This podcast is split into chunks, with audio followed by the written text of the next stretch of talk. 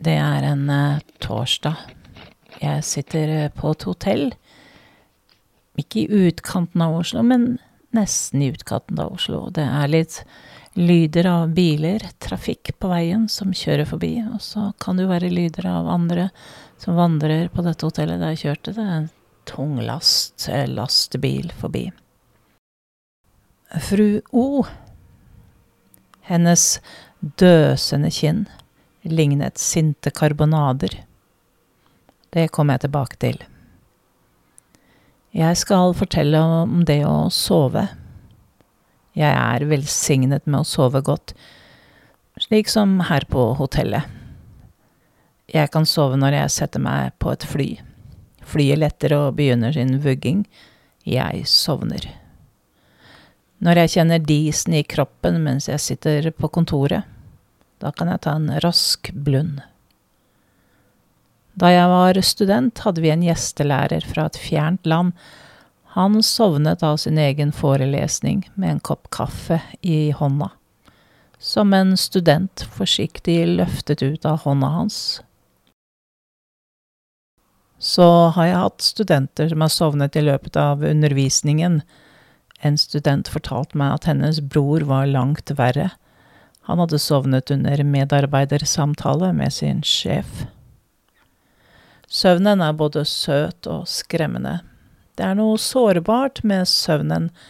Det oppleves som en beskyttende tilstand, samtidig skremmende fordi den er så lik døden, som i følgende fortelling.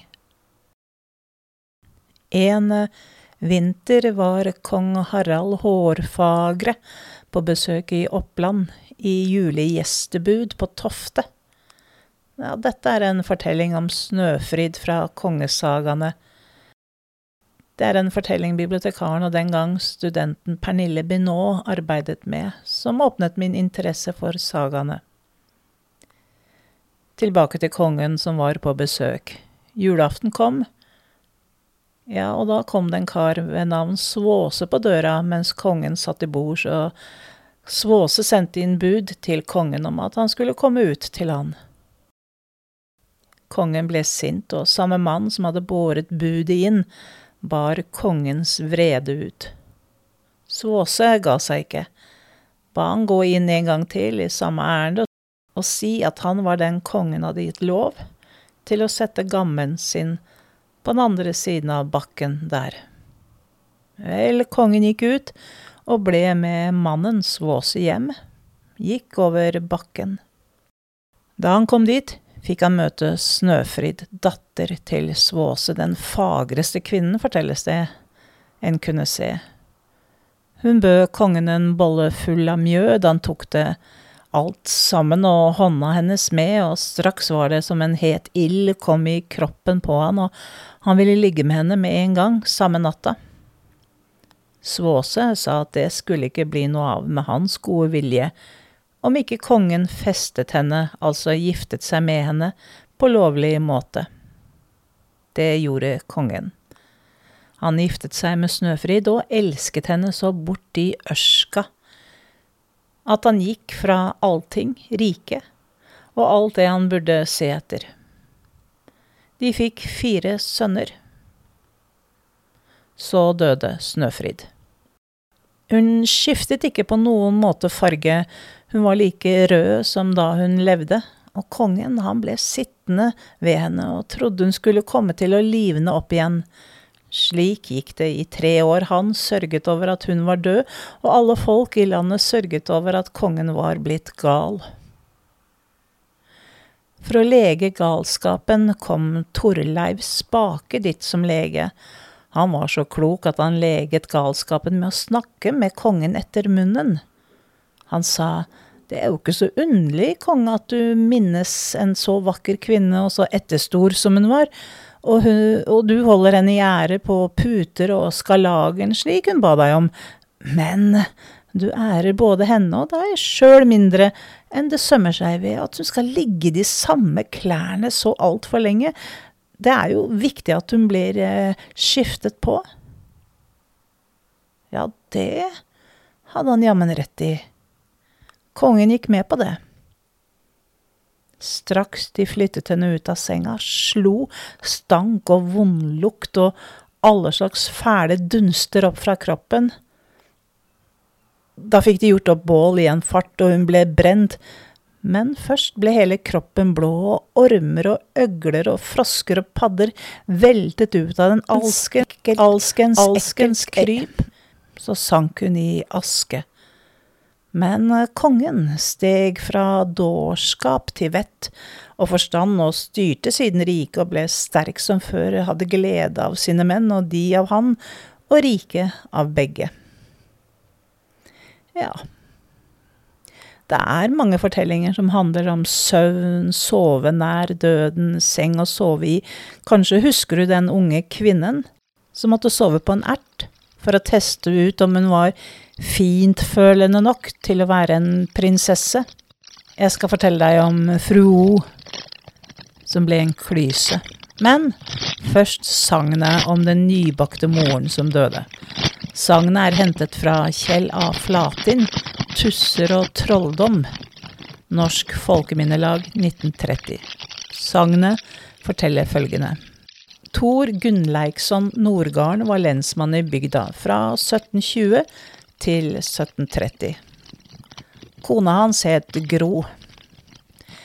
Gro lå i barsel, og en nabokone, en husmannskone, passet på henne og barnet om nettene. En natt var husmannskona så trøtt at hun bare sovnet. Da det le på litt, våknet hun av at barnet skrek. Hun skvatt og sprang bort til senga og ville se, da var Gro død. Det for over henne som kaldt vann, og hun ropte på Thor, og hele huslyden var snart samlet rundt senga. Gro lå der blek og kald. Det var ikke noe håp, hun var død, og det var sut og gråt på de som fortsatt levde. Om morgenen bar de henne ut og la henne på likstrå på låven. Så brygget og bakte de til likferd. Det tok tid før de var klare med alt. Først 14 dager etter skulle likferden være. Alle slektninger ble bedt, og hele nabolaget skulle være med. En som het Svein ble også bedt, for han skulle være lagmann, som de den gangen trengte, en som passet på at alt gikk rett for seg. Likferdsdagen kom, og da det led på, hadde alle likferdsfolka samlet seg, bortsett fra Svein. Han skulle egentlig vært den som var først på plass, og nå kom han ikke. Alle undret seg over dette. Ingenting kunne jo gjøres før lagmannen kom. Endelig så de han komme på veien. Men han kom ikke alene. Det fulgte en kone med han, hvem i all verden kunne det være? Det var noe kjent med henne, det var en hun lignet, men ingen våget å si noe, for hun lignet Gro som var død, folk ristet på hodet og korset seg. Det var Gro, Thor var ille ved, han sto som en stokk. Da Svein kom inn på tunet, gikk han rett forbi likkista og leste ikke over den som skikken var, men han gikk rett inn i stua, og kona fulgte etter. Der inne hilste de på alle folk, ja, de stirret med forskremte øyer og gapende kjefter på denne fremmedkona, det var Gro. Da Svein kom bort til Thor, som hadde satt seg med armene i kors over bringa, reiste han seg og sa, Men i jøsses navn, hva er dette, Svein? Hva slags kjerring har du med deg, jeg syns det er Gro, jeg, sa han. Ja, det er Gro, kona di. Hun har vært hos de underjordiske. Men hva ligger i kista, ville Thor vite. Det var akkurat kommet en mann som sto med knepte hender og leste over kista. Så tok de lokket av, og så nedi. Der lå det en trestamme. Folk korset seg og undret seg, dette var mer enn de orket, aldri hadde noen hørt noe lignende. Svein fortalte hvordan det hang sammen. Han hadde vært i mølla og malt om natten. På vei hjemover om morgenen med melet fikk han brått se tre kvinner. Han kjente straks igjen den mellomste, det måtte være Gro. Han forsto det var noe galt på ferde. Han tok slirekniven sin og kastet den over henne. Da ble to av dem borte. Men Gro sto igjen. Hun gikk bare i skjorta og stakken uten hodeplagg.